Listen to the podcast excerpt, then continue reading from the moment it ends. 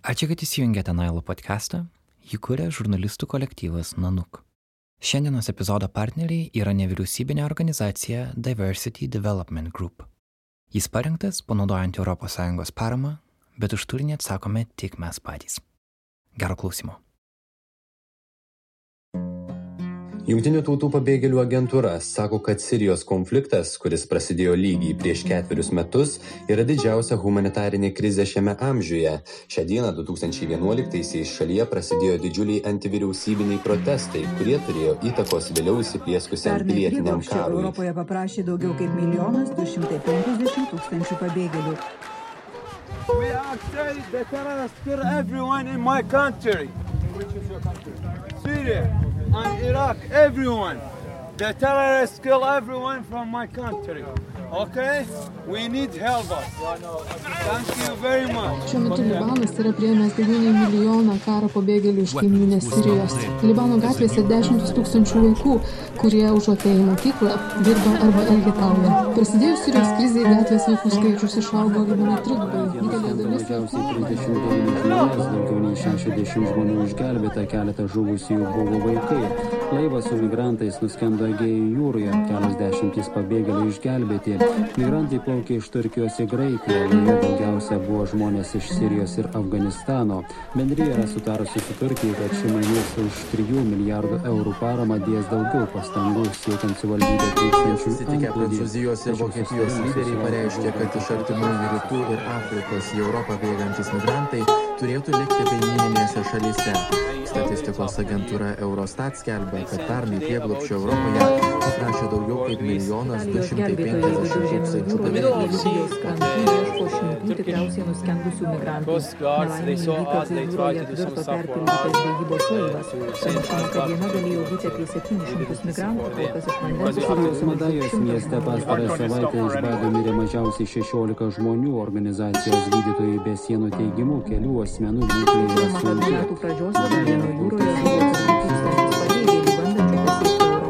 Žmonės dėl karo ir skurdo bėga iš artimųjų rytų ir Afrikos. Why did you leave? Why did you leave Syria? Švedija siekdama mažinti į šalį patenkančių migrantų srautą įvedė pasienio kontrolę su Danija. Nuo šios dienos keliautojai iš Danijos reikalauja parodyti dokumentus su nuotraukomis. Pagal vienam gyventojui tenkančių migrantų skaičių Švedija priima daugiausiai atvykėlių Europoje. Pernai beveik 10 milijonų gyventojų turinti Švedija priėmė į Turkiją iš Graikijos. People in the boots, people in Turkey. But Iraq is bad also. But everyone is saying pretend you're Syrian. Yes, pretend you're Syrian because the people they take care of you in Greece. You don't want to do that.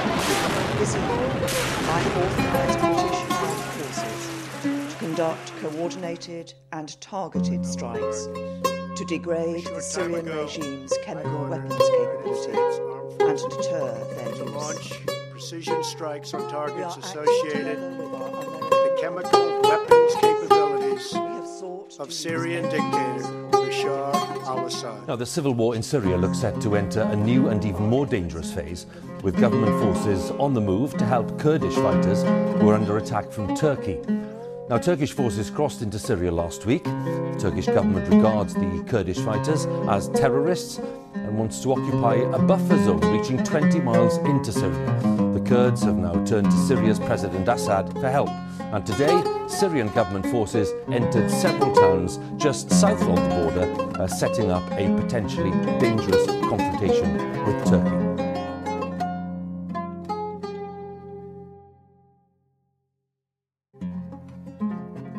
Dvidešimt šeši milijonai žmonių pasaulyje yra palikę namus ir negali į juos sugrįžti. Jeigu pabėgėliai sudarytų valstybę, ji būtų devinta didžiausia Europoje pagal gyventojų skaičių. Didesnė už Švediją, Suomiją, Estiją, Latviją ir Lietuvą kartu sudėjus. Tai yra didžiausias naujų namų ieškančių žmonių skaičius nuo antrojo pasaulinio karo. 3,5 milijono žmonių yra oficialūs prieglopšio prašytojai. Jie laukia, kad valstybės, į kurias jie atvyko, suteiktų jiems leidimą gyventi. Mūsų šiandienos epizodas yra apie žmonės už šių skaičių. Su jumis Martino Šulskutė Ir Karolis Višniauskas.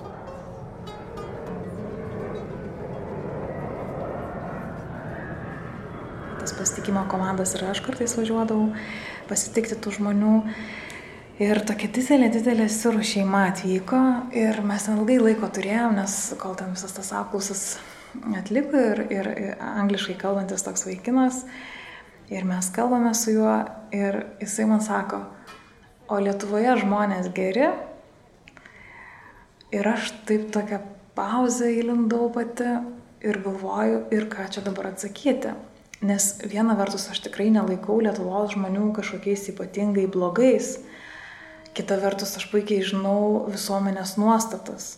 Tai yra, kiek daug žmonių nenorėtų gyventi šalia pabėgėlių, kiek daug žmonių nenorėtų gyventi šalia musulmonų, kiek daug žmonių nenorėtų kaimynais turėti migrantų, čečienų, pas mus ten yra daromi tie visuomenės nuomonių tyrimai. Va, ir, ir tokia pagavau save, kad, kad ir nesinori tos, nesinori kažkokių lūkesčių žmogui sukelti, bet ir nesinori pasmerkti savo tautos, ar ne? Ir aš prisimenu, kad finale aš pasakiau, kad, na, kaip ir, kaip ir kiekvienoje tautoje, sakau, yra visko iš tikrųjų, bet aš noriu tikėtis, kad jūs savo keliais sutiksite gerus žmonės. Prisimena Eglė Samuchovaitė, Raudonojo kryžiaus pabėgėlių ir migrantų programos vadovė. Tai aš esu Eglė Samuchovaitė. E, Lietuvos Raudonajame kryžiuje dirbu jau 13 metų. Tai mano pirmas santykis su Raudonuoju kryžium tai buvo teisinių paslaugų teikimas. Ir būtent konsultavimas prieglapšio prašytojų, pabėgėlių atstovavimas bylose. Tai mes e, tiek prieglapšio bylose atstovaudom žmonės, tiek sulaikymo bylose, neteisėto sienos kirtimo. O dabar pastaruosius trejus metus pradėjau taip, tokias naujas savo pareigas, tai yra koordinuoti visą tą mūsų pabėgėlių ir migrantų programos veiklą. Dabar studijuoju dar ir psichologiją, iš tikrųjų tas poreikis kilo ir dirbant šitoj srity, ir matant ir tas problemas, ir, ir susitinkant žmonės, kuriuos mes darbę susitinkam, tiesiog pajaučiau, kad tos psichologijos žinios irgi šitoj srity, na, jos iš tikrųjų yra būtinos. Bet Pats Lietuvos Raudonasis kryžius tai viena pirmųjų organizacijų, kuri nuo pat 1997 metų, kai Lietuva ratifikavo pabėgėlių konvenciją ir protokolą ir pradėjo tuos darbus šitoje būtent srityje. Tai mes tokie jau dinozaurai pakankamai šitoje srityje.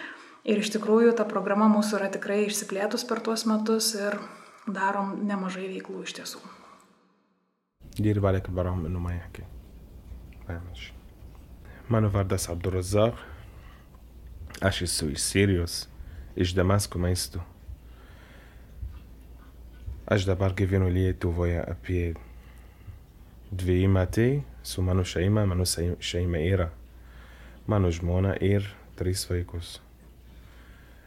Turiu du vaikai mokykloje, mano dukra yra dešimt metų, trečia klasėje ir mano sūnus pirmas klasas. Vaikam mokykloje labai gerai sekasi. Ir mano dukra labai gerai kalba lietuviškai. Be akcentų tikrai. Taip. Ir mano sūnus, nu, pradeda išmokti lietuvių kalbą, nes mažas vaikas. Taip. Tu žinai, kad vaikai nu, greitai išmoka kalbėti. Nes mokykloje ten mokytoja labai gera ir labai gerai mokina ir mano dukra nori išmokti lietuvų kalbą dėl to. Taip. Ir ten čia dirbu Lietuvoje suvėjas. Mano pagrindinis profesija yra odos pramonė. Ir dainininkas ten buvo Sirijoje. Ko groja? nežinau, koks pavadinimas lietuvų kalba kaip. O arabiškai koks pavadinimas? Aud. Mhm. Jo. Eglė Samuchovaitė ir Jonavoje su šeima gyvenantis Siras Abdulrazak mums padės geriau suprasti, kaip sienų neturintys reiškiniai peržengia Lietuvos ribas ir kaip tarp šių sienų atsidūrę žmonės gyvena. Savo istoriją Abdulrazak pradeda pasakoti svečiuojantis jo namuose Jonavoje. Kartu su žmona Samira ir trimis vaikais jie gyvena dviejų kambarių būte viršutinėme namo aukšte. Pro langą matosi vaikų mokykla ir stadionas. Kiti daugia aukščiai siekiantis miesto kraštą ir linojantis spalio horizontas. Prieš pradedant įrašinėti, Abdul Razak išjungė televizorių. Fone lieka girdėti gurgintis radiatorius. Nors būtas nedidelis, jo erdviausias kambarys skirtas ne tik namiškiams, bet ir svečiams priimti. Abdul Razak mus paragina prisėsti kaip patogiau, arba ant įprastų mums sofos ar fotelio, arba kaip labiau įprasta vidurio rytuose, ant palei sieną gulinčių čiužinių. Pasirinkome fotelį, taip patogiau rašyti garsą. Šeimos kelionė iš Sirijos į Lietuvą truko beveik porą metų. Išvažiavau iš Damasko miesto į Libaną, paskui iš Libano į Turkiją. Mhm. Turkijoje gyvenau apie pusę antrų metų. Ten mano darbas ten buvo vertėjas iš turkų kalbą į arabų kalbą ir iš arabų kalbą į turkų kalbą. Ir paskui padarau migracijos parašymas į Europą. Lietuvos valstybė mane pasirinko. Ir tada, būnant Turkijoje, sužinojot, kad keliausit į Lietuvą.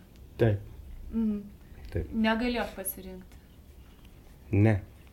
Man pasakė, kad Lietuva tave pasirinko tam per telefoną. Aš ieškau per Facebooką, randu žmogus ten. Bet jum nepažįstamas žmogus. Ne, ne, ne, ne. Per Facebooką randu. Iš Sirijos ten žmogus. Mhm. Taip. Kažkas, kas buvo anksčiau atvykęs. Taip.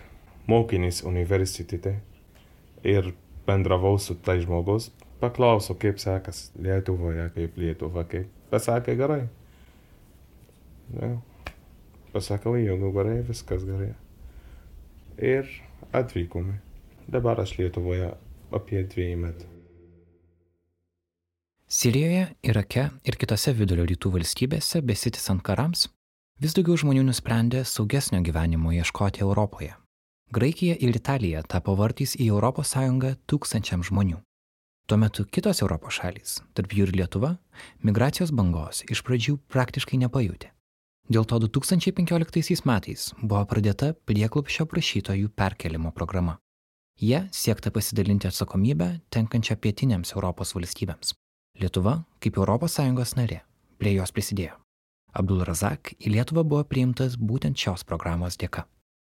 Sutarimas buvo toks, kad perkelimo programuose gali dalyvauti prieglopšio prašytojai iš tų valstybių, kurie pabėgėliais pripažįstami arba pabėgėlio statusas suteikiamas visoje Europoje daugiau kaip 85 procentam visų atvykusių iš to šalies ir prieglopšio pasiprašysių žmonių. Tai tokios valstybės nustatytos buvo trys - Sirija, Eritreja ir Irakas. Ir, pavyzdžiui, tokia valstybė kaip Afganistanas, kuriame puikiai irgi žinom, kad nėra saugu, liko būtent dėl tos priežasties už, už to tokio kriterijaus ribų. Va. Tada labai ilgai vyko diskusijos ir tas kvotų nustatymas ir jeigu prisimenat pradžioje, dabar nepamenu, ar ministras pirmininkas ar prezidentė kalbėjo gal apie 50-80 žmonių, kad Lietuva galėtų priimti. Aišku, čia labai daug galime diskutuoti apie tai, kokius skaičius realiai Lietuva galėtų priimti, bet tuo metu man atrodė, kad turbūt tiesiog nėra net žinių pačioje valstybėje, tai kiek tų pabėgėlių jau pas mus yra, kiek, kokie gebėjimai mūsų iš tikrųjų yra, kiek centruose gali gyventi žmonių ir, ir, ir nu, vat, man tai toks ženklas ir buvo, kad Na, nelabai mes ir patys žinojom, taip išeina, tai kiek mes iš tikrųjų tų žmonių galim priimti ir galutiniai tie sprendimai buvo, na, tikrai daugiau negu 80, nes buvo sutarta, kad Lietuvos kvota yra 1105 žmonės. Mhm. Į tą dabar 1105 žmonių kvotą, nepatinka man tie žodžiai, bet, na, taip jau yra, tokie yra priimti tie terminai. Tai perkelimai ir žmonių, į tą žmonių skaičių yra skaičiuojami iš Italijos, iš Graikijos žmonės perkeliami ir iš Turkijos. Tai yra mhm. trys valstybės, iš kurių gali būti perkelimai vykdomi. Pabėgėlius priimančia šalimi Lietuva tapo 1997 metais, ratifikavusi Junktinių tautų konvenciją dėl pabėgėlių prieimimo. Nuo to laiko Lietuvoje prašymus suteikti prieglopsti pateikė beveik 6200 žmonių. 800 iš jų buvo sutiktas pabėgėlio statusas, o 500 papildoma apsauga. Pastaraisiais metais Lietuvoje dažniausiai prieglopščio prašo Tadžikistano, Sirijos, Rusijos ir Afganistano piliečiai. Pernai Lietuvoje gauti prašymai iš 25 skirtingų valstybių piliečių ir asmenų be pilietybės. Nepaisant to, viešojoje erdvėje Lietuva retai matoma kaip pabėgėliams padedanti šalis. Į Lietuvą kitą savaitę atvyks pirmoji pabėgėlių šeima iš Irako. Žmonės į Lietuvą perkeliami pagal ES šalių susitarimą. 2015-aisiais į Lietuvą pagal perkelimo programą atvykusi šeima iš Irako žiniasklaidoje vis dar buvo pristatoma kaip pirmoji pabėgėlių šeima. Į Lietuvą ta pirmoji šeima perkelta irgi atvyko 2015 m. gruodį. Tai ten irgi, jeigu prisimenat, tas epizodas toks buvo ganėtinai tragiškas mano akim žiūrint, dėl to, kad buvo labai irgi nepasirengta, kaip apie tai komunikuoti. Pirmoji pabėgėlių į Lietuvą e, keturių asmenų šeima bus perkelta iš Graikijos, kaip ir minėjai, jau kitos savaitės pradžioje. Ji mūsų šalį pasieks lėktuvu ir, na, pačioje pradžioje keliams mėnesiams bus apgyvendinta Rukloje. Siekiant išvengti nemalonumų ir kitų grėsmių, tie žmonės buvo tikrinami. Pareigūnai turi tą nuodugnę informaciją, kada, kokią dieną tiksliai, kaip jie atvyko. Lietuvos pareigūnai tikrino ir daugiau Graikijoje esančių pabėgėlių, tačiau tik minėta šeima atitiko reikalavimus, sakė vidaus reikalų viceministras. Sąrašas buvo ženkliai ilgesnis, vykdant e, saugumo patikrinimus liko tik viena šeima. Ir tik šita šeima gali atvykti į Lietuvą, mes sutarėme su Graikijos pareigūnais. Daugiau šeimų šiais metais į Lietuvą netvyks. Su dviem mažamečiais atvykusi šeima užtruko beveik valandą, kol buvo sutvarkyti dokumentai. Nors teigiama, kad moka angliškai, į žurnalistų klausimus jie atsakinėjo gimtają kalbą. Kodėl atvažiavo būtent į Lietuvą? Aš norėjau į bet kurią valstybę, kuri apsaugotų mane ir mano šeimą nuo galimos grėsmės mano šalyje. Šiuo metu vyksta konfliktas tarp skirtingų religinių bendruomenių. Sunitų ir šyitų teko sulaukti visokių grasinimų. Kiekvienam gyventojim skiriam po vieną podelį, lėkštutę, šaukštelį pagalvė, anklodė ir visa kita. Sužinojus atvykėlių dydžius, jiems bus nupirkta apatinio trikotažo kojinių. Viršutinius apdarus bus pasiūlyta išsirinkti iš dėvėtų. Kas mėnesį jie gaus ir numatytą kiekį hygienos reikmenų. Buvo be galo daug žiniasklaidos dėmesio ir jeigu galvojant va, iš tų žmonių perspektyvos, kai tu su mažamečiais vaikais įžengiai į mūsų Vilnius oro uostą ir ten pirmas dalykas, kurį tu kurį tu sutinki ir pamatai, nu, tai kiekvienam žmogui iš tikrųjų tas žiniasklaidos dėmesys iš karto gal irgi papildomą tą įtampą kelia, tai tam valstybė visiškai nebuvo pasirengus ir nebuvo apgalvojus, kokiu būdu. Aš sutinku, kad apie tai reikia komunikuoti, aš sutinku, kad žmonės, visuomenė irgi turi teisę žinoti, bet žiūrint iš pačių žmonių perspektyvos, mano supratimu, buvo tikrai neapgalvota, o kaip kaip tą padaryti ir, ir kaip komunikuoti ir kaip galbūt juos pakalbinti ir apskritai aš manau, kad žmonės apskritai ne, neturėjo to įsivaizdavimo, tikdami, kad čia bus toks didelis žiniasklaidos dėmesys.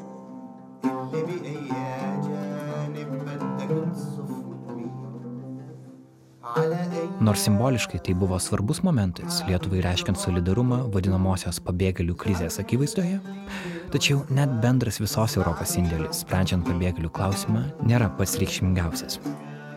Iki šių metų pradžios iš Italijos, Graikijos ir Turkijos Lietuva yra perkelusi 486 žmonės. Tai yra Sirijos, Irako, Eritrėjos piliečiai bei asmenys be pilietybės. Palyginimui, vien tik Sirija nuo karo pradžios paliko daugiau nei 6,5 milijono žmonių.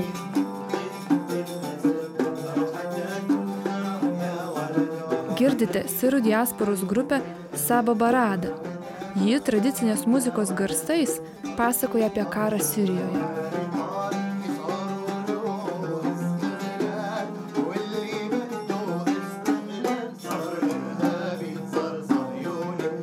Žiūrint globaliu mastu, ES iš tikrųjų tiek, kiek žmonių pasiekė ES, tiek, kiek čia perkelimai vyko, tai yra lašas jūroje. Todėl, kad kaip ir turbūt žinot, daugiausia pabėgėlių priima Turkija, Iranas, čia kažkur dar irgi visas tas valstybės pasižymėjau, tai yra, tai yra tikrai, jo, tikrai ne, ne valstybės, kur, nu, tapšia, ne ES valstybės, ne Europa, jau nekalbant apie tai, kokius nedidelius skaičius žmonių ir, ir pavyko perkelti. Tai ką aš noriu pasakyti, kad taip lyg ir iš tos mūsų perspektyvos žiūrint atrodo, oho, kokie dideli skaičiai, bet globaliu mastu tai nėra dideli skaičiai ir tas poveikis daromas yra atitinkamai, na, nedidelis. Tai iš tos pusės žiūrint, nu, ne, ne, kažin, ne, ne kažin ką čia ES prisideda, e, vėlgi sakau, vertinant tą globalų kontekstą.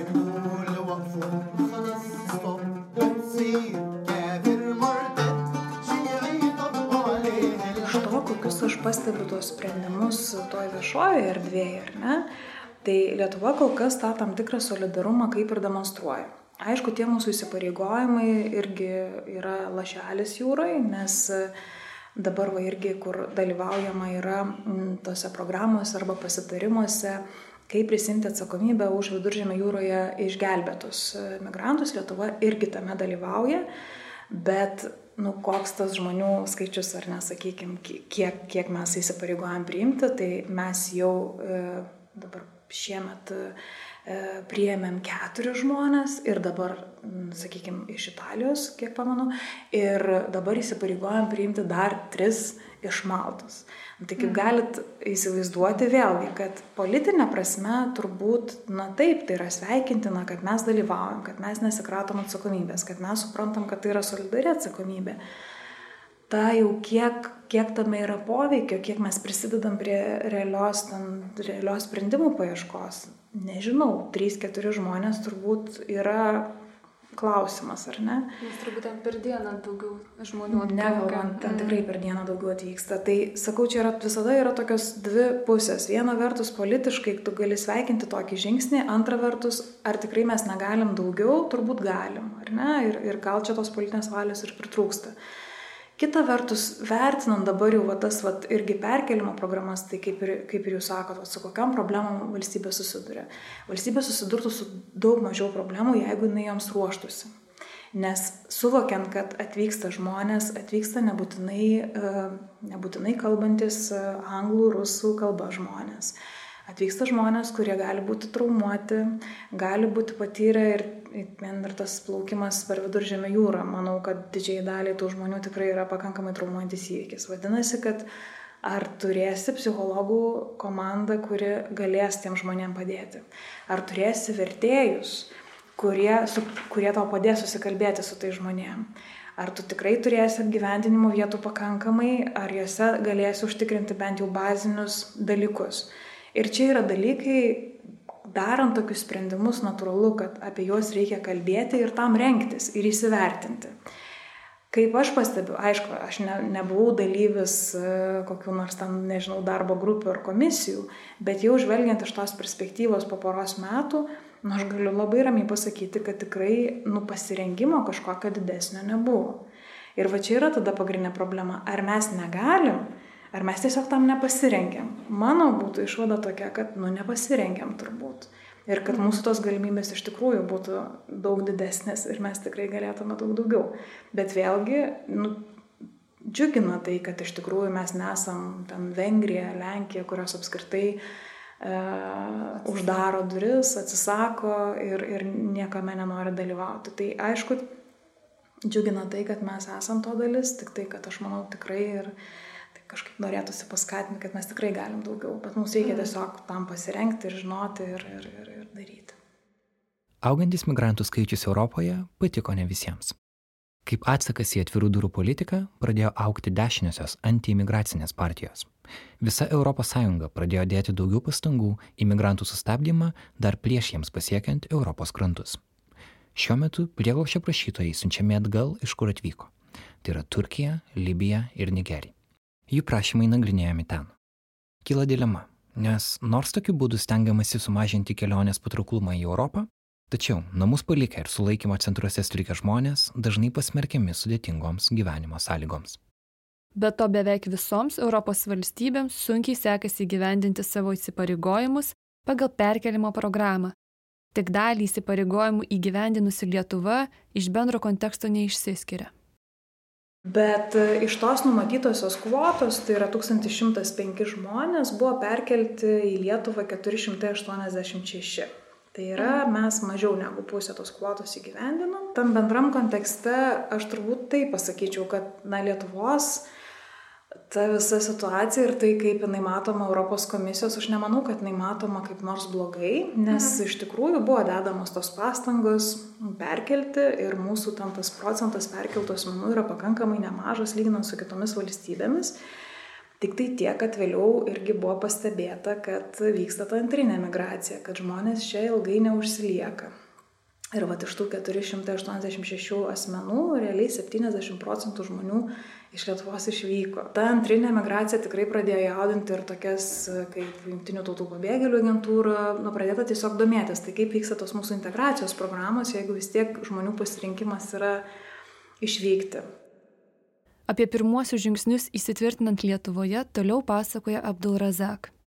Aš randu darbą, nes mano draugas ten dirba prieš manęs ir pasakė, kad reikia sukerpėjas. Aš pasakau, aš nelabai mokau, bet pabandysiu.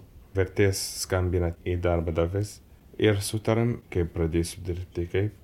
Ir kai pradėjau dirbti, tik tik žinojau nuskaičiuot nuo nulis iki 50.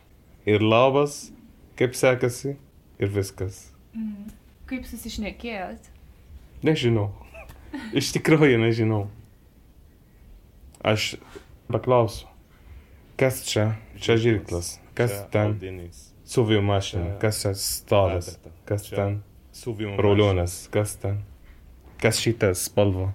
Mhm. Bet sunku paaiškinti, žinai, nes e, nemoku kaip paklausti, tik moku tai žodis, tai žodis, kas čia, kas ten, taip. Bet ten iš tikrųjų bendradarbė labai gerai, iš tikrųjų buvo. Man mokina. Visą laiką šitas reiškia taip, šitas tu suklydą pasakai, tu. Mhm. Dabar aš galiu parašyti teisingai, bet reikia praktikos, reikia daug bendrauti su Lietuvos žmonėms. Taip. Mhm. Dabar man, sa, man sekasi geriau. bet per, visai, per pirmaisiais metais tikrai buvo nelabai. Bet dabar viskas gerai. Aš galiu vienas darbą ieškoti ir nu, būstas rasti. Savarankiškai. Jau savarankiškai galiu. Ir padedu draugų, kuris iš Sirijos. Esminis yra dalykas susikalbėti. Ir čia nuo pat, nuo pat pradžių, kai tik žmogus atvyksta į Lietuvą, kai yra įmamas taip vadinamas jų tas interviu, apklausa ar ne apie prieglapšio motyvus, jau tada turi sėdėti profesionalus vertėjas, kuris gali pažodžiui išversti, ką žmogus sako. Va, e, tai ką to norėjau pasakyti, kad e, tas vertėjimas yra čia labai svarbus, bet kalbant apie, lietuvių kalbą, aišku, negali tikėtis, kad žmogus atvykdamas čia jau kažkokias tas kalbos žinias turės su kuo mes dar irgi susidūrėm, kad atvyko ir žmonių neraštingų. Tai dar kitoks kalbos mokymas yra žmogaus, kuris rašto visai nepažįsta, ar ne? Tai ką aš turiu pasakyti, kad lietuvo, lietuvių kalbos pamokos, jos irgi visada buvo integracijos dalim, numatyta kiek valandų ir panašiai. E, bet tokio na sakykim e, apgalvojimo ir tokios vat metodologijos kuri m, būtų skirta atsižvelgiant pavyzdžiui žmogaus raštingumą.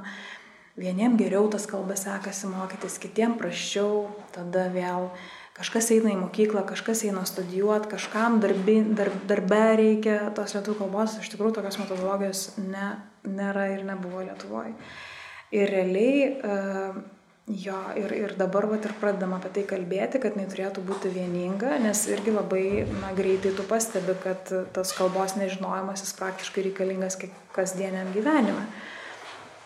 Ir nueiti į parduotuvę, ir nueiti pas gydytoją, ir susikalbėti su mokytoja, ar ne? Ir netgi ir kokias pratybas vaikui pirkti ar nepirkti, kokie renginiai bus, kur, kur ten dalyvauti. Dabar Gi ten ir Facebook'o grupės tėvų būna, kaip, kaip tau tame visame, kaip tau į tokią vat, visą bendruomenę įsitraukti ir tas kalbos nežinojimas iš tikrųjų yra vienas iš tų barjerų, kuris labai stipriai apriboja ir jų buvimą, ir gyvenimą bendruomenėje, bet apriboja ir užimtumą, ir mokymasi, ir apskritai vat, visų paslaugų gavimą. Kuo, kuo geriau tą lietuvių kalbą mokyti, tau visai kitos galimybės iš tikrųjų atsiveria ir ir, ir darbą kokį kitą gali susirasti, ne tik nekvalifikuotą ir panašiai. Kalbos mokėjimas yra įgūdis, kuris užtikrina, jog šeima nėra atskirta kalbos barjerų nuo visuomenės. Kad šeima yra savarankiška, kad vaikai gali rasti draugų, mokytis ir iš mažų detalių statyti savo namus naujoje aplinkoje. Kad prieglopsti gavę žmonės greičiau taptų visuomenės dalimi, Lietuvoje rūpinasi nevyriausybinės organizacijos, tokios kaip Karitas ar Raudonasis kryžius. Bendraujant su žmonėmis, jų darbuotojai stengiasi suprasti poreikius, kur ir kokį gyvenimą planuoja, ką norėtų dirbti, kiek pinigų skirti būstui ir kokios pagalbos apskritai jie tikisi. Skirtingas rytis kaip švietimas, socialinė pagalba, įsidarbinimas reguliuoja skirtingos ministerijos, dėl to bendras panoraminis vaizdas integracijos procese dažnai yra sunkiai apčiuopiamas. Dažnai reali pagalba gali būti nemenkas iššūkis, bet visgi galutinis tikslas yra aiškus. Lietuvoje apsigyvenę žmonės turi sugebėti pasirūpinti savo gerovę patys. Mes kaip ir keliam savo tokį tikslą ugdyti tų žmonių savarankiškumą. Ir mūsų tikslas yra iš esmės, kad jie su kiekviena diena taptų vis savarankiškesni ir vis geriau galėtų patys savim ir savo šeimą pasirūpinti. Tai yra Jeigu ten vieną dieną parodai, kaip viešuoju transportu naudotis, kitą dieną jau sakai, aš tas lauksiu toj stotelėje, o trečią dieną jau sakai, kad aš jau lauksiu tavęs raudonajame kryžyje ir, ir, ir žodžiu. Ir žinoma, kad tas pavyksta čia, bet turiu minti, kad, kad, kad žmogus, tai čia labai paprastą tokį pavyzdį pateikiau, bet e, maždaug yra taip. Tai yra ir registravimas ir darželiuose, mokyklose, ten mokyklinių prekių, pa, paaiškinimas, ko čia reikia, kaip čia viskas atrodo, sveikatos priežas įstaigose, aišku, būstas, paieškos ir nuomotojų ieškom ir, ir, ir, ir, ir, žodžiu, ir užimtumą klausimą sprendžiam, ar, ar planuoja mokytis, ką nori mokytis, ar planuoja dirbti, ką nori dirbti, kiek šeimoje žmonių bus dirbančių ir taip toliau. Tai žodžiu, kad mes va toj integracijoje mes turime kuratorius, kurie, kurie iš tikrųjų ir, ir būna labai arti to žmogaus ir padeda jam taip pavadinčiau, apsiprasti Lietuvoje ir, sakau, kažkaip vis tapti savarankiškesniu. Mano vardas Nebal. Malonu susipažinti. Taip. E, Aš irgi. Tavo tėtis taip papasakojo, kad tu labai gerai išneki lietuviškai. Ačiū. Tai tu labai neseniai gyveni Lietuvoje, taip? Mhm. Du metai. Du metus. Ar tau buvo lengva išmokti lietuviškai? Labai sunku buvo. O kaip tu išmokai? Išmokau. Bet labai sunku buvo. Mhm. Kas tau padėjo išmokti? Kaip tu mokais? E, tėtis yra mokytoja. O aš galvoju, kaip susirasti draugų, kai tu nemoki tos kalbos, kurią kalba kiti vaikai. Man tai iš vis nesunku surasti draugų, nes su vieną sekundžią galėsiu jaunumas visų vaikus suvažiuoti. Taip? mhm. O tai kaip tu susipažįsti tada su vaikais? Pavyzdžiui, matau mergaitę, sakau, labas, nori draugauti su manimi, sako, taip. Ir paskui sudraugaujam ir daug. O Lietuvoje šiaip yra mažai vaikų, kurie nešioja skaras, Mhm. -huh. galvos apdangalus. Mm. Taip. Kaip kiti vaikai reaguoja į tave? Ar klausia dalykų kažkokių? Vakar tai man buvo nuotrauka klasiai, klasės nuotrauką aš norėjau ir paskui ta e, vaikas, e, jos vardas yra Rokas, va, klasė mane pasakė, jeigu ką tu įmei skarą, kas bus? Jis paklausė, kas būtų, jeigu tu nusimtum skarą. Mhm. Taip, ką tu jam paaiškinai, ką tu jam pasakai? Sakau, nežinau, kaip tau paaiškinti. Kažkaip paaiškinai? Nežinojau, kaip paaiškinti. Mm. Ir paskui jis pamiršė. Dar pagalvosi, ar ne, kaip paaiškinti kitą kartą. Mhm. Ar jau žinai, kaip kitą kartą paaiškintum? Ne. Dar nesugalvoji, kaip paaiškintum. Mm. Ar yra vat, kažkokie dalykai, kurių tavęs uh, kiti vaikai klausia apie, apie tave, apie šeimą, apie Siriją? Kas įdomu kitiem vaikam apie tave? Tik visą laiką man klauso, ar tu neliūdna, kad buvai Sirijoje, paskui atėjai į Lietuvą? Sakau, liūdna. Liūdna. Mhm. Mhm. O dėl ko liūdna? Nes palikau savo šalies. Kas tau patiko tavo šalyje? Viską.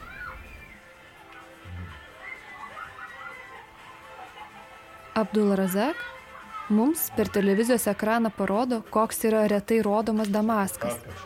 Pasakoja apie atrakcionų parką. Bet didelis labai, kaip Jonava. Parkas? Parkas, kaip Jonava. Pilna ši- šitai, matai šitai? Mhm. Pilna, pilna, daug. Gal 200 tai šitas. Ši- Mhm. Kaip žaidimas. Tai jums čia turi būti nuobodžiau gyventi dabar, mažiau pramogų. Grįžtame pas Eglę Samuchovaitę iš Raudonojo kryžiaus. Galit gal papasakot plačiau apie psichologinę pagalbą, kas turbūt irgi yra labai svarbu, nes e, tiesiog mums gal net yra ir sunku suprasti daug dalykų, kodėl ir kuo traumuojanti yra e, pabėgėlio e, patirtis, e, kokius dalykus pakeliui patiria žmonės, kaip sveikti po to e, stiprėti. O kita vertus, bendrai apskritai Lietuvoje psichologinė pagalba turbūt e, labai daugeliu atveju nėra užtikrinama skirtingom grupėm žmonių.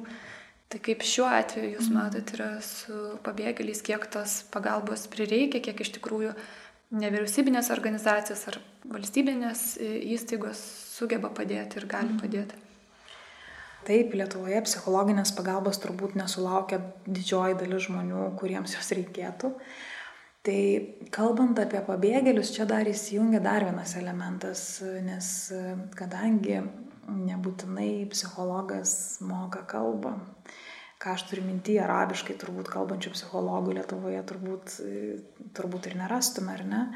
Tai čia dar įsijungia vienas elementas, kad psichologo konsultacijoje, vadinasi, turi dalyvauti ir vertėjas. Tada į ką, žinot, kur tu betarpiškai bendrauji, galėdamas atskleisti ir pasakyti, kur jau kažkas verčia tavo žodžius. Tai va čia irgi dar to- toks yra neišspręstas klausimas, o kaip tą psichologinę pagalbą suorganizuoti, ar ne? Tai vienas iššūkis.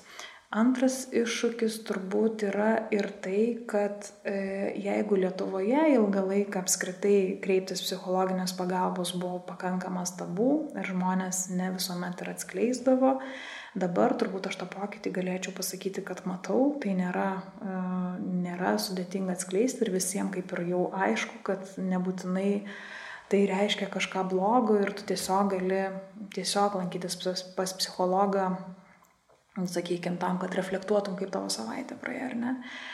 Tai čiagi atvyksta žmonės, kurių valstybėse irgi nebūtinai, nebūtinai tokia praktika yra. Apskritai, galbūt tų psichologų, nežinau, kažkada skaičiau ir Afganistane ten jų apskritai priskaičiuojama labai nedėlis skaičius, kaip teikiančių psichologinę pagalbą. Tai mes turbūt susidurėm dar labiau su tokiu iššūkiu, kad kaip ir pagal, pagal tam tikrus požymius, tu kaip ir įtari, kad būtų gerai tam žmogui susitikti su psichologu. Bet sprendimas yra žmogaus. Ir jis ne visada kreipiasi e, ir ne visada, na, to, kiek tas patarimas, tiesiog pasiūlymas, kad gal norėtumėte apsilankyti, vad pas mus e, yra, yra psichologai, kurie teikia psichologinę konsultaciją, nebūtinai žmonės eina.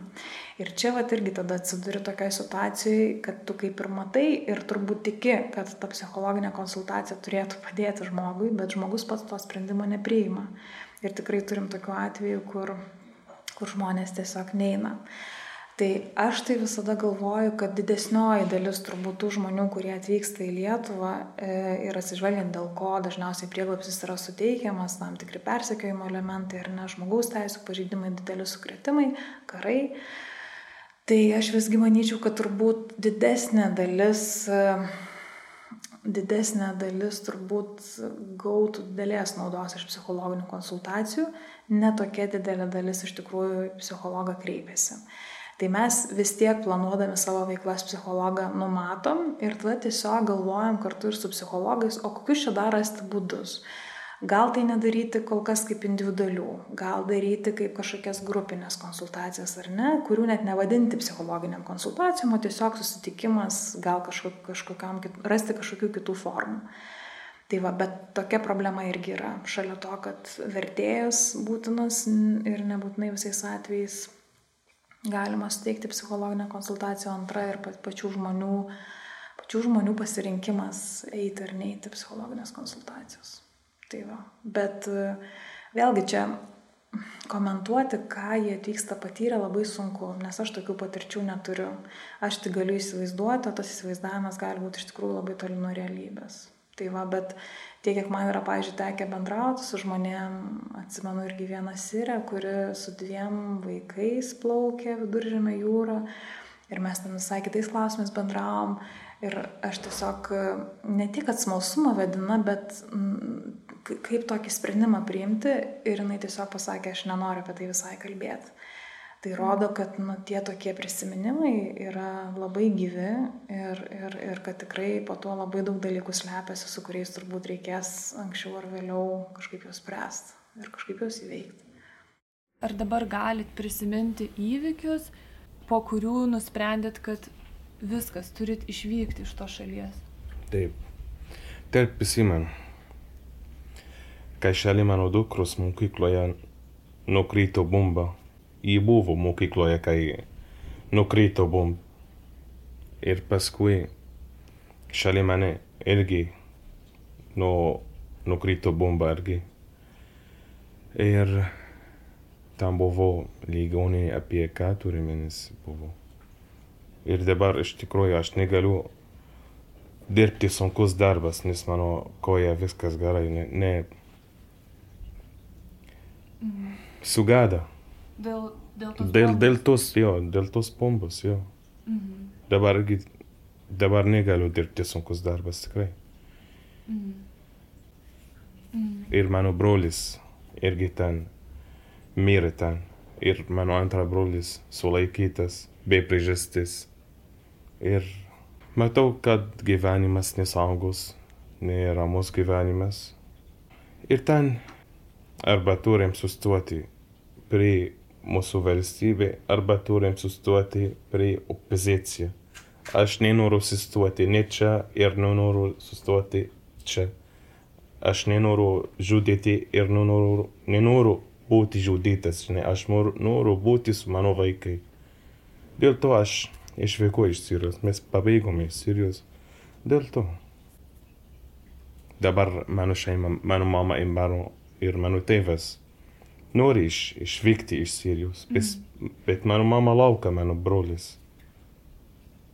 To Taip, brolio, kuris sulaikytas, Jo. mama laukia, kad jį paleistų. Jo, Mm. taip.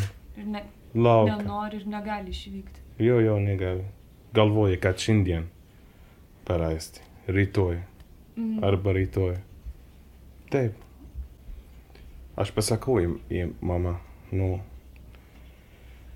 tau reikia išvykti iš Sirijos. Pasakė man, kad aš nenoriu išvykti, aš laukiu mano vaikas. Taip. Mm.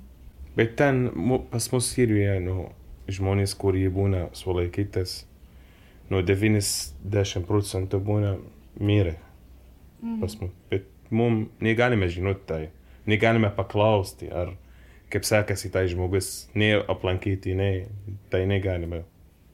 Pas mus paima žmogus, mūsų valstybė, paima žmogus ir viskas dings. Ir ne, niekada negali žinoti, kas Niekada negali žinoti. Viskas. Gal 10 metų, gal 20 metų, gal 30 metų.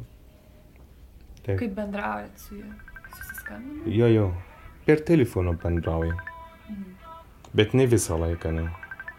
Nes kartais būna, kaip nėra interneto, nėra kažką. Daug ilgą laiką negalima kalbėti. Minutė ir viskas.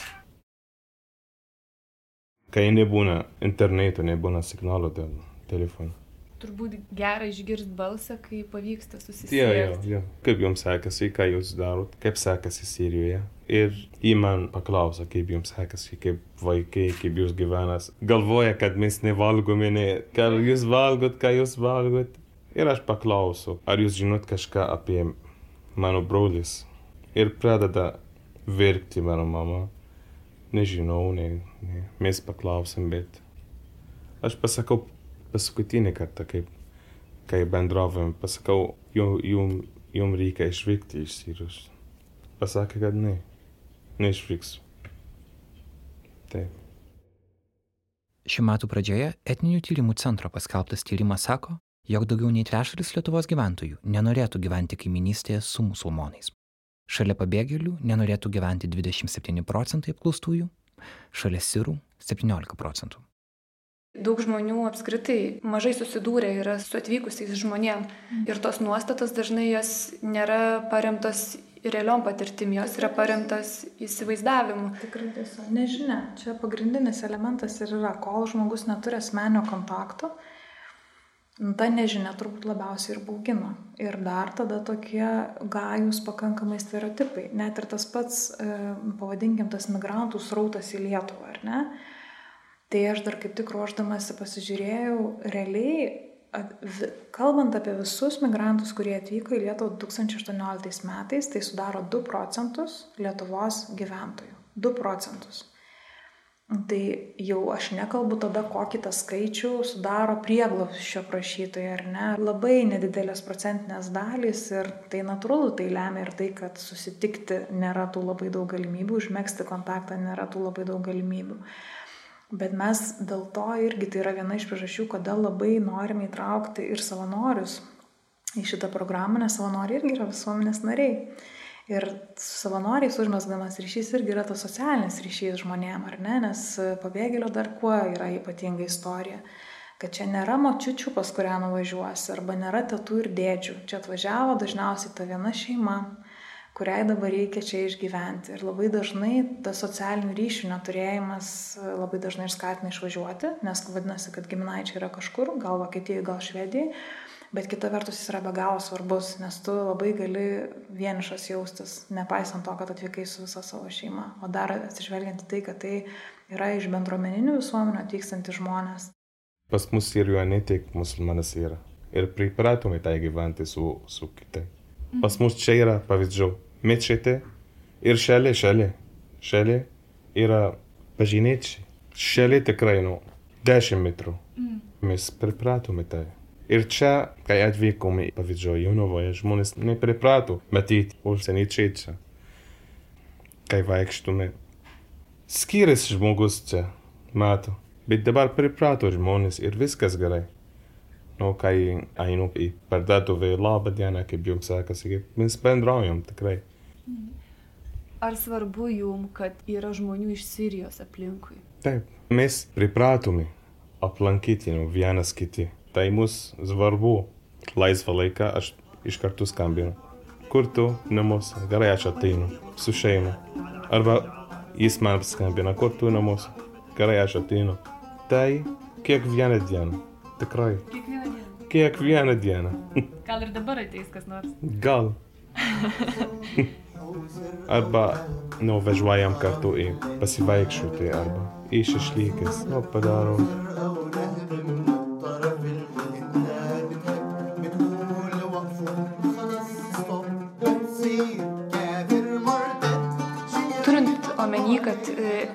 Perspektyvos, turbūt ne tik valstybė, bet e, taip nuosekliai galvojant ir patiems žmonėms yra turbūt nelabai aiškas, kas vis dėlto palaiko norą ryštą likti Lietuvoje tų žmonių, kurie lieka, už ko jie užsikabina, kas, kas paskatina tiesiog likti ir kur čia savo gyvenimą.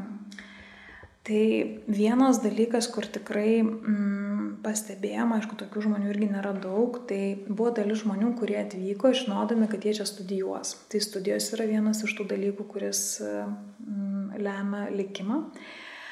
Antra dalis, e, jeigu pavyksta įsidarbinti, e, įsidarbinti taip, kad pavyktų išlaikyti čia šeimą.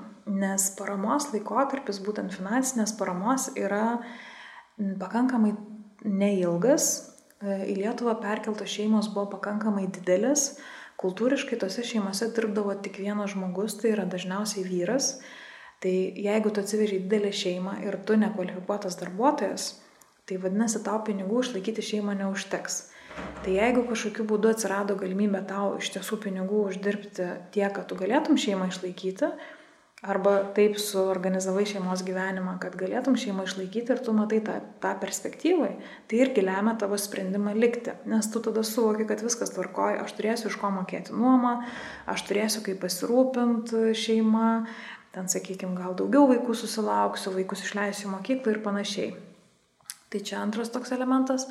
Trečias elementas, mes turime uh, iš, Eritre, iš Eritrėjos atvykusių žmonių, uh, kurių yra pradėtos šeimos sujungimo procedūros, kurios trunka be galo ilgą laiką. Ir tai irgi yra viena iš priežasčių, kodėl žmonės vis dar yra čia mhm. ir tiesiog tikisi, kad pavyks susijungti su šeima, nes irgi ypatybė tos migracijos yra tokia, kad pabėgėlis gali susijungti su šeima tik tai toje valstybėje, kur išdavė jam leidimą gyventi.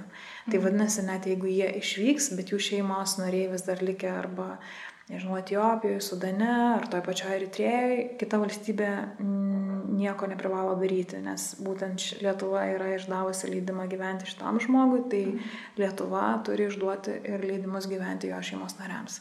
Tai dar vat, yra tokia grupė žmonių, kurie yra likę čia ir turbūt jeigu ne šeimos sujungimas, aš manau, kad jie būtų išvykę. Kodėl būtent iš Eritrėjos atvykę žmonės yra už toj situacijai, -hmm. kad laukia savo... Čia yra labai ilga istorija. Labai daug problemų yra susijungti toms šeimoms. Ir viena iš problemų yra ta, kad visi šeimos nariai jau dėl Eritrėjos izolacinės migracijos politikos neturi kelionės dokumentų. Ir jie, pavyzdžiui, atsiradę jau yra Etijopijoje, Etijopijoje pabėgėlių stovykla ir neturi kelionės dokumentų. Kai aš sakau, neturi kelionės dokumentų, tai neturi paso. Ar ne? Tai viena dalis. Antra dalis, tie žmonės nebūtinai turi dokumentus, kurie patvirtintų, kad jie yra šeima. Tai yra ar santokos liūdimas, ar gimimo liūdimas ir ten gali vėl būti be galo daug priežasčių. Viena iš jų gali būti tiesiog nebuvo išduota, antra pamesta, prarasta ir taip toliau. Yra ten tik tam tikros kopijos, o kai kuriais atvejais ir jų nėra. Va. Na ir trečia dalis yra ta, kad neturim kelionės dokumento, neturim nebūtinai šeimos e, ryšius patvirtinančių dokumentų. Ir net jeigu pavyktų, e, sakykime, pateikti tai, ką turi migracijos departamentui, arba ten gauti etiopietišką e, pasą, toks emergency travel document yra, tai tada nėra kas uždada vizą nes be vizos niekaip tu neišskrisi į Europą ir neatskrisi iki Lietuvos. Tai mhm. Tai žodžiu, tokių labai daug praktinių uh, problemų.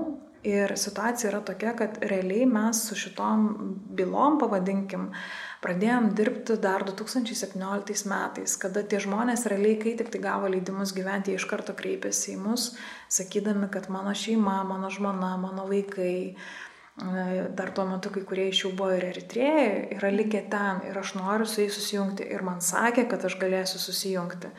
Ir tada mes čia pradėjom tikrąją to žodžio prasme kryžių žygius per institucijas. Buvo daug be galo susitikimų. Ir ką jau pavyko kažkiek pralaužti, kad turbūt dėl šeiminių ryšių migracijos departamentas vertintų daugelį dokumentų, ar ne jau ką turi, tą pateiks. Tada pavyko išsiaiškinti būtent apie tą jau mano minėtą etiopietišką emergency travel document, kuris yra pripažįstamas ir Lietuvoje, jau išsiaiškinom procedūras, kaip ten jį gauti, ko ten dar reikia. Gavom iš čia irgi visas pažymas, ko ten gali reikėti, kad, pažymėjo migracijos departamentas, kad tikrai dėl šeimų sujungimo tie žmonės kreipiasi. Ir kur mes užstrigom, mes užstrigom ties viza.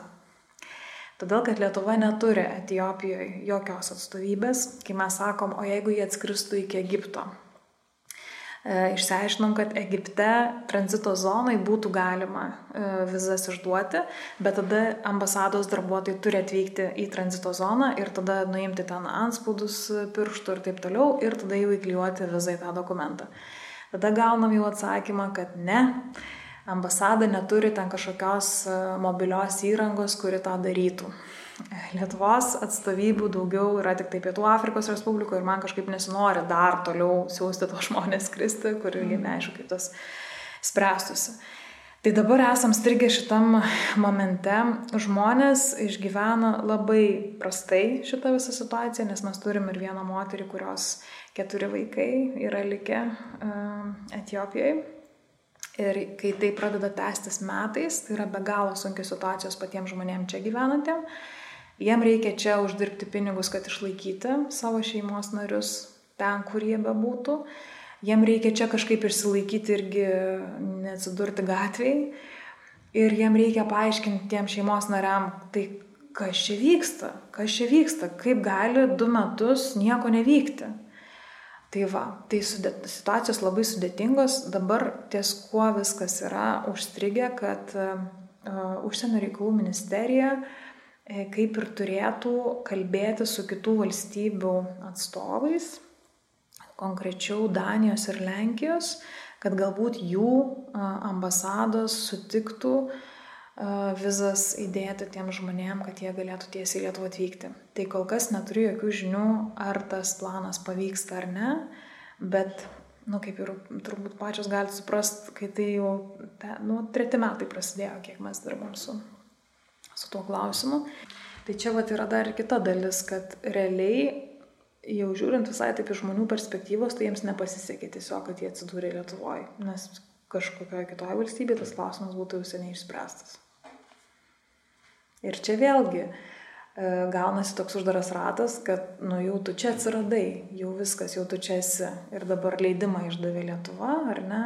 Bet Lietuva neprisima atsakomybės pasirūpinti, o kaip, kaip sujungti su šeima, nors kito varianto nėra. Ir suprantat, aš visada kartoju tai, kad jeigu tai būtų bet koks kitas klausimas, bet čia yra šeima, tai nu nebus tokios situacijos, kad jos nesusijungs, nes tai yra šeima, tai yra vaikai, visais atvejais tai yra vaikai, kurie nemato savo tėčių ar ne, arba mamos. Ir tai yra, nu, tai yra šeimų išskirimas. Ir, nu, ta prasme, vat, ir su valstybės institucijom kalbant, aš neinu į, ta, į tas kitas diskusijas, ta prasme, kad, o tai gal čia ne, o tai gal Ne, mes turim kalbėtis apie tai, kaip mes juos sujungsim ir kokį rasim būdą. Tai nėra lengva iš tikrųjų ir kartais tikrai jautiesi ten vienas karys laukia. Bet, nežinau, man kažkaip grinai, nežinau, humaniškumas, bendražmogiškos vertybės, ne, nežinau, ai, turbūt eisim kažkaip iki galo. Bet žmonės tikrai prastai išgyvena ir aš tikrai Man pačiai tos situacijos nėra lengvos, nes aš būnu tas kraštinis žmogus, kuris jiems praneša vienokias ar kitokias naujienas.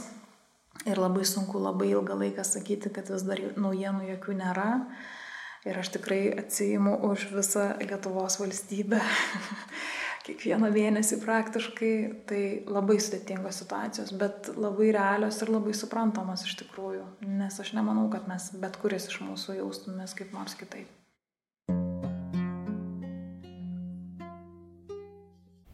dalis pabėgėlių, kurie atvyko panašiai kaip jūs, mm. Iškart išvažiavo iš Lietuvos. Gavo dokumentus ir išvažiavo į Vokietiją, į Švediją. Jūs neišvažiavot. Kodėl, kodėl likot Lietuvoje? Aš kai atvykau į Lietuvą, galvoju, kad išvyksiu iš Lietuvą į kitą šalį. Po atvykti apie mėnesius randu darbą ir dirbu. Mm. Kai pradėjau dirbti, jaučiuosi, kad, kad viskas, mano gyvenimas, viskas gerai. Mm. Pabėgėlių centrą visi žmonės kalba, kad išvyksiu į Vokietiją, išvyksiu į kitą šalis, išvyksiu, išvyksiu. Kodėl tai žmogus taip pasakė? Nes neranda darbą, neranda būstas. Dėl to Mhm. Ir kartais būna, nu, būtų savininkai, nenori išsinuomoti savo būtis į užsieniečiai. Arba kartais būna, kad darbo davėjai nenori priimti užsieniečiai dėl kalbanės. Jis galvoja, kaip, ką, ką darysiu su tai žmogus, kaip, mm. kaip šnekeisim, kaip, ką darysim. Ir tai žmogus, jeigu nėra, ne, neranda darbo ir neranda būstas, galvoja, kad išvyksiu ir viskas. Iš tų 486 žmonių Eglė kalba apie visus į Lietuvą pagal ES perkelimo programą priimtų žmonės. Išvyko 70 procentų ir iš viso 80 žmonių, tik 80 žmonių buvo arba gražinti. Mm Tai yra, kad jau valstybės institucijos nupirko bilietą ir gražino atgal, ar ne, arba patys grįžo. Tai didesnė dalis buvo gražinti, 53 ir 27 grįžo patys. E, iš tų, kurie buvo gražinti, dar kartą išvyko 17 žmonių. Nu, žodžiu, mhm. kad matyt vis tiek yra kažkokios priežastys, kurios lemia sprendimą visgi čia nepasilikti. Kitas žmogus galvoja apie pinigų. Mhm. Jeigu dabar išvyksiu į Vokietiją, ten gausiu daugiau pinigų, Bet iš tikrųjų, du metai grįž čia į Lietuvą ir nuo nulis pradės gyventi, žinai. Ir dings du metai Vokietijoje. Mokslas dėl vaikai blogai bus tikrai. Aš taip galvoju, kad jeigu išvyksiu iš Lietuvą po metus arba po du metai, grįšiu. Tai žinoma bus. Mhm. Grįšiu, šimtas procentų. Nes aš nepažįstu žmonės, kurie ten kitą šalis priema. Tik pažįstu žmo, žmonės, kurie išvyko ir kurie atvyko, pervyko. Mhm.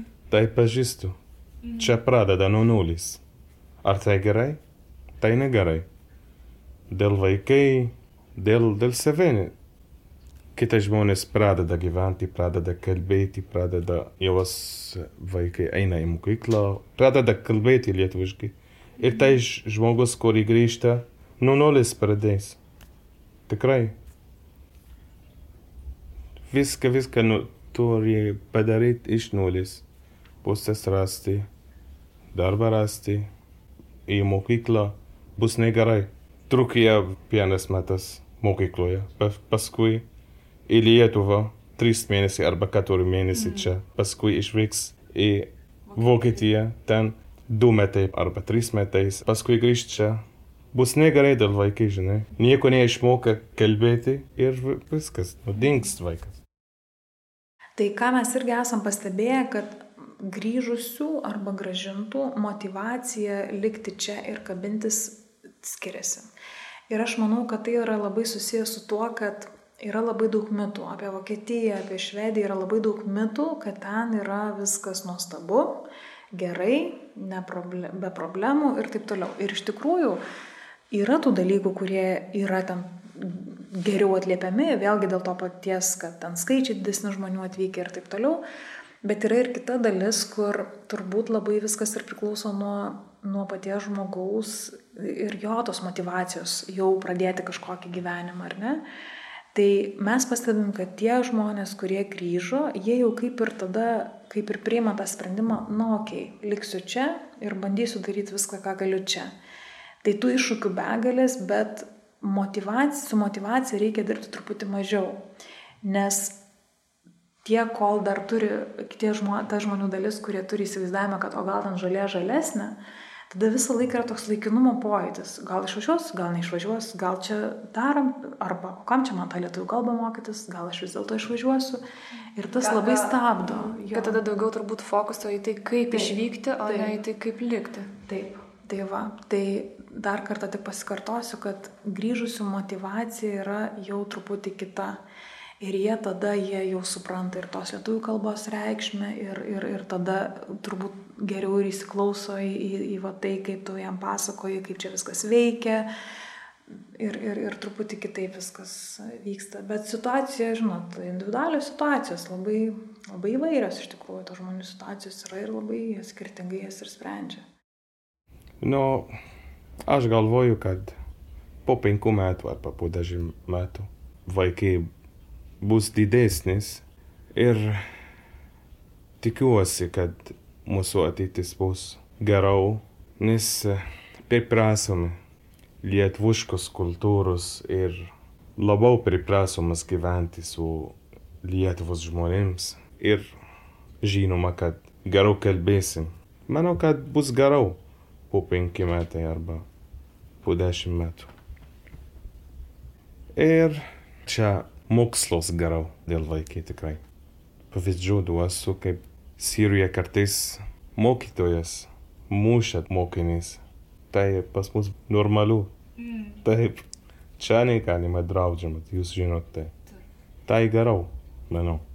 Galimybės, kurias vaikai gauna Lietuvoje, yra geresnės negu Sirijoje.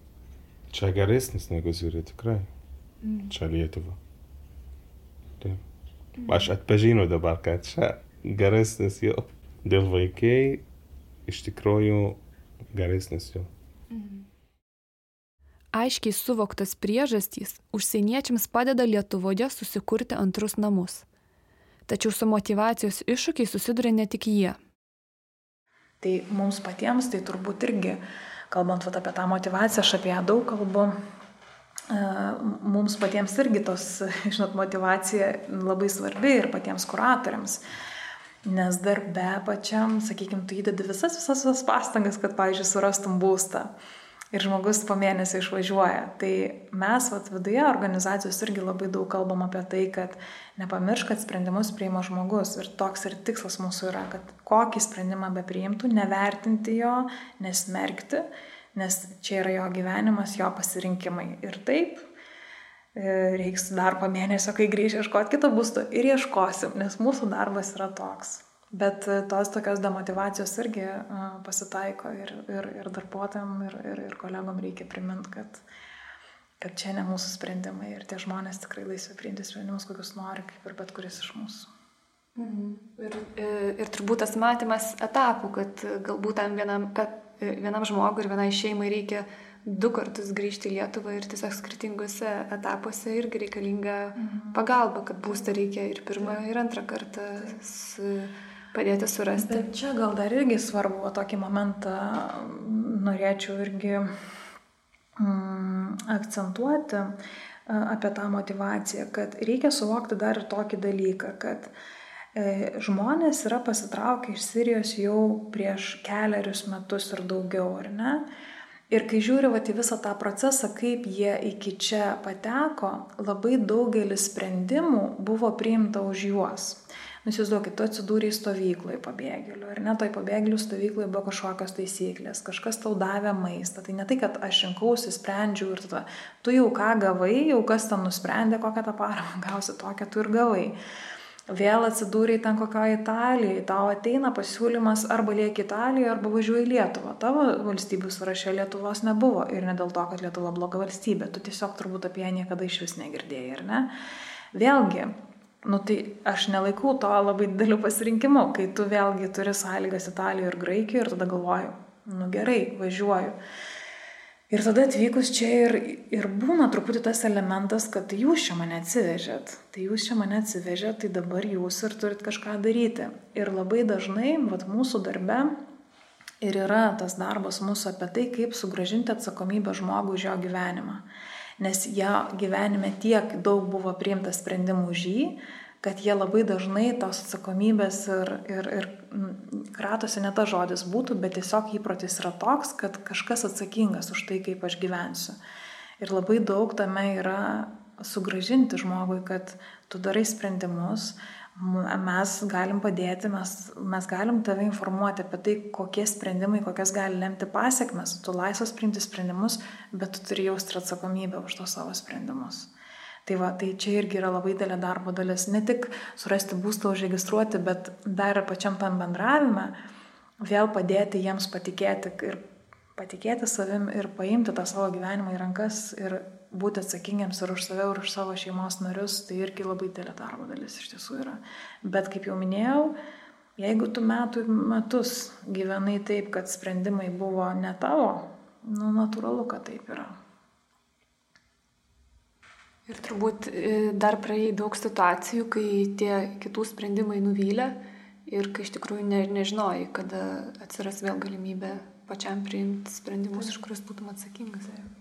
Bet e, jo, to, to, tokio, va, tokių pavyzdžių tikrai yra ne vienas ir ne du. Dėl to mano kolegos tai nu, jie labai nepaprastai džiaugiasi, va, irgi tokiais atvejais, kai tam, pavyzdžiui, sirė moteris tam po daugelio, daugelio metų nusprendžia, kad jinai pradės dirbti. Ir čia ne dėl to, kad, e, nežinau, kokie ten tie motyvai džiaugsmo, bet vienas iš tų ir yra tai, kad tu parodai žmogui, kad tu gali.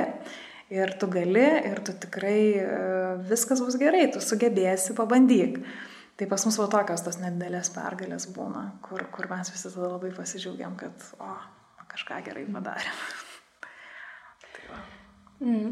tai iš viso to, ką papasakojot, man vis dėlto skamba iš tikrųjų, kad e, per tuos keturis, bent jau keturis metus mm.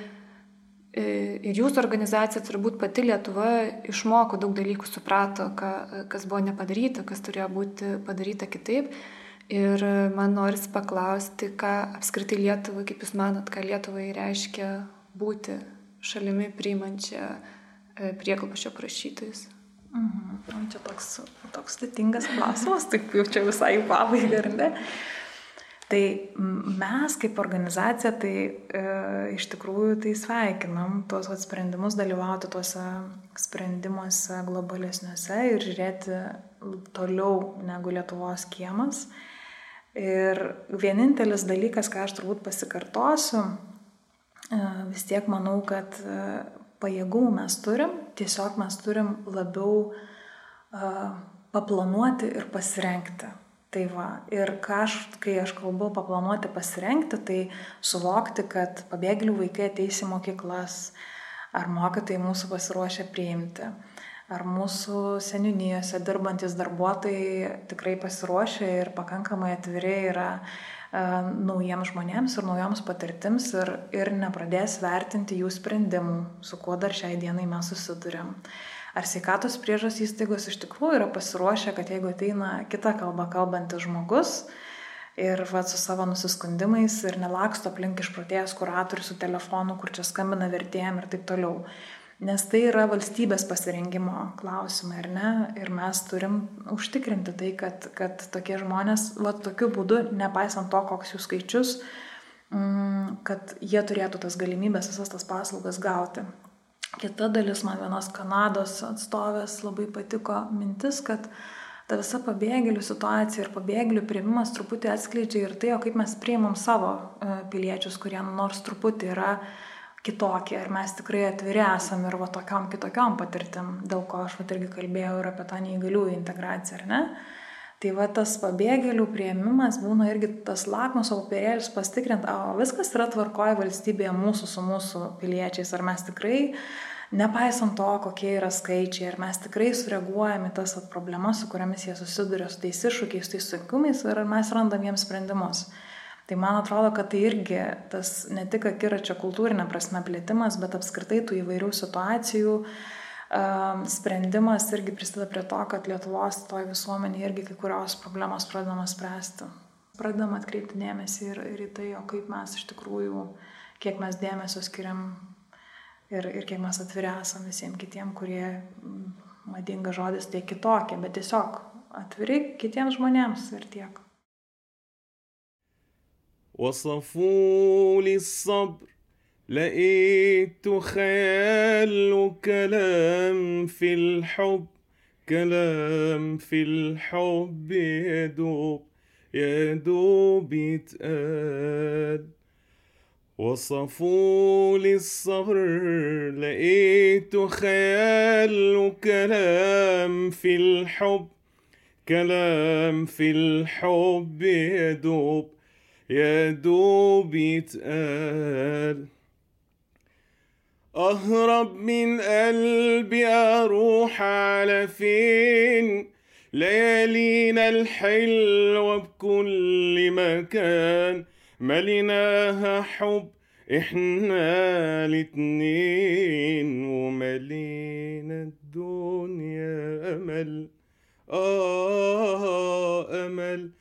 أهرب من قلبي أروح على فين ليالينا الحلوة بكل مكان.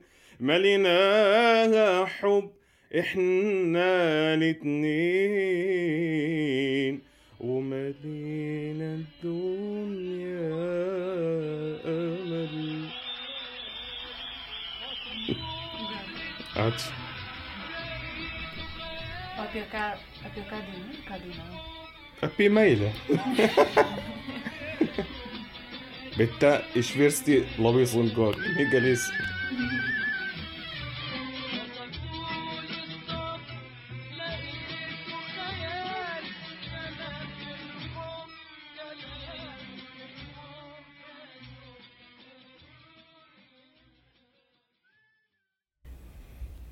sakėt, kad e, buvot muzikantas Sirijoje, e, Oda dirbot. Jo. E, kaip dar atrodė jūsų gyvenimas Sirijoje? Mūsų gyvenimas Sirijoje buvo iš tikrųjų ramus gyvenimas tikrai. Ir laimingai tikrai buvom Sirijoje, nes ten mūsų šeima, ir artimieji, ir draugai ten turim. Aš pasakau, kad, nu, Sirijoje mūsų gyvenimas tikrai, nu, kaip paaiškinsiu, nu, iš tikrųjų buvo, buvome labai laimingai. Ir pavyzdžiui, jeigu aš sergau, mūsų šeima, kur artimieji ir draugai iš karto ateina pas mane aplankyti, dėl aplankyti. Ir mes daug, kaip, e, daug turim draugai ten, daug, daug turim artimieji, daug su mūsų šeima sekasi su taivai ir, nu, labai sekasi mūsų buvo gerai. Bet kad, kai prasidėjo karas, mm. to buvo viskas mūsų gyvenimas nesaugus, neramus, ne. Taip, sunkus gyvenimas buvo tikrai karo metu. Mm. Nes ten, tu žinai, kad žmonės miršta be priežastis karo metu. Ir pavyzdžiui, mano dukra buvo mokykloje. Jeigu nori eiti į mokyklą, aš visą laiką galvoju, ką bus, ar grįž, mm. ar ne. Kas gali atsitikti? Kas gali atsitikti, jo. Dabar žmonės, kurie grįžta į, į Siriją, arba būna sulaikytas, arba su problema gyvena. Ten iš tikrųjų nesaugus gyvenimas. Ten baisus gyvenimas tikrai. Visą laiką, visą laiką, visą laiką. Mes turim ten baimė jausmas, žinai, visą laiką. Nesaumanė grįžti tą į Siriją dabar. Ir manau, kad ten karas Sirijoje nepasibaigęs tikrai. Linku, kad, būt, kad būtų gerai, kad sustos karas, nes iš tikrųjų daug žmonės miršta tikrai. Ir aš labai liūdnas esu apie tai. Ir visą laiką aš galvoju apie mano šeimą ten ir mano artimieji. Ir apie visas žmonių, kurie gyvena Sirijoje, nes iš tikrųjų ten sunkus gyvenimas tikrai. Šeima, du metus pragyvenusi Lietuvoje, jau išgyveno momentų, kai pasijuto, jog čia gali susikurti namus bent laikinai pakeičiančius Damaską. O vienas iš šeimos narių Damasko prisiminimų apskritai jau nebeturės. Jis gimė Jonavos ligoninėje. Kai buvom tai ligoninėje, aš jaučiuosi, kad Sirijoje esu. Tikrai. Labai labai daktara, labai gera buvo. Ir viskas gerai iš tikrųjų. Taip. Sakot, jautėtės kaip Sirijoje? Kas sukūrė tą jausmą? Žmonės. Tikrai. Nes dabar žmonės pradeda priimti mums, žinai, kai buvo ligoninė. Labas, kaip jums sekasi, kai jums reikia, galiu padėti jums. Tai tikrai, tikrai, kai girdžiu tai, labai laimingas būnu. Tikrai. Nes pas mus Sirijoje taip, ligoninė ateina žmonės ir klausia, ką jums reikia, ko jums trūksta, ko jums taip. Ir iš tikrųjų gerai Lietuva. Aš jaučiuosi, kad Lietuva yra mano antra šalė tikrai.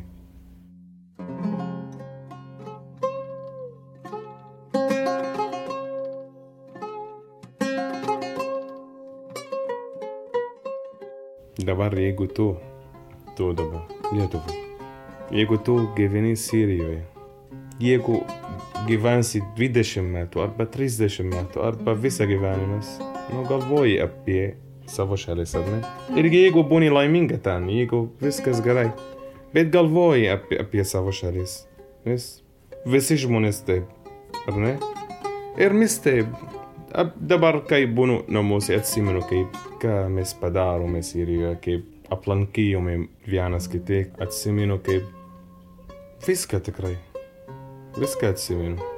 Kai buvom prie jūros, iš tikrųjų pas mus gražus šalis tikrai. Ir Damasko mieste senesnis mieste, kuris žmonės gyvena pasaulyje. Ir ten gatvėjai ir, ir namai ir labai labai gražus tikrai. Atsimenu ten, kaip, kaip buvo mūsų namas, kaip, kaip buvo viską atsimenu. Taip. Negaliu pamiršti. Taip. Bet dabar linko gyventi visą gyvenimas Lietuvoje. Nes iš tikrųjų aš nežinau, bet manau, kad, kad turiu toks jausmas, kad, kad čia gerai gyventi. Čia bus mums. Ir kita vertus, aš kažkaip vis tikiuosi, kad aš labai daug dedu vilčių ir į tą mūsų jaunąją kartą, nes matau, kad jiem tie klausimai visai kitaip atrodo, jie visai kitaip juos kelia ir aš manau, kad jie daug atviresni auga ir aš manau, kad mes dar po dešimties metų visai kitokias visuomenės nuostatus tyrimus turėsime rezultatus.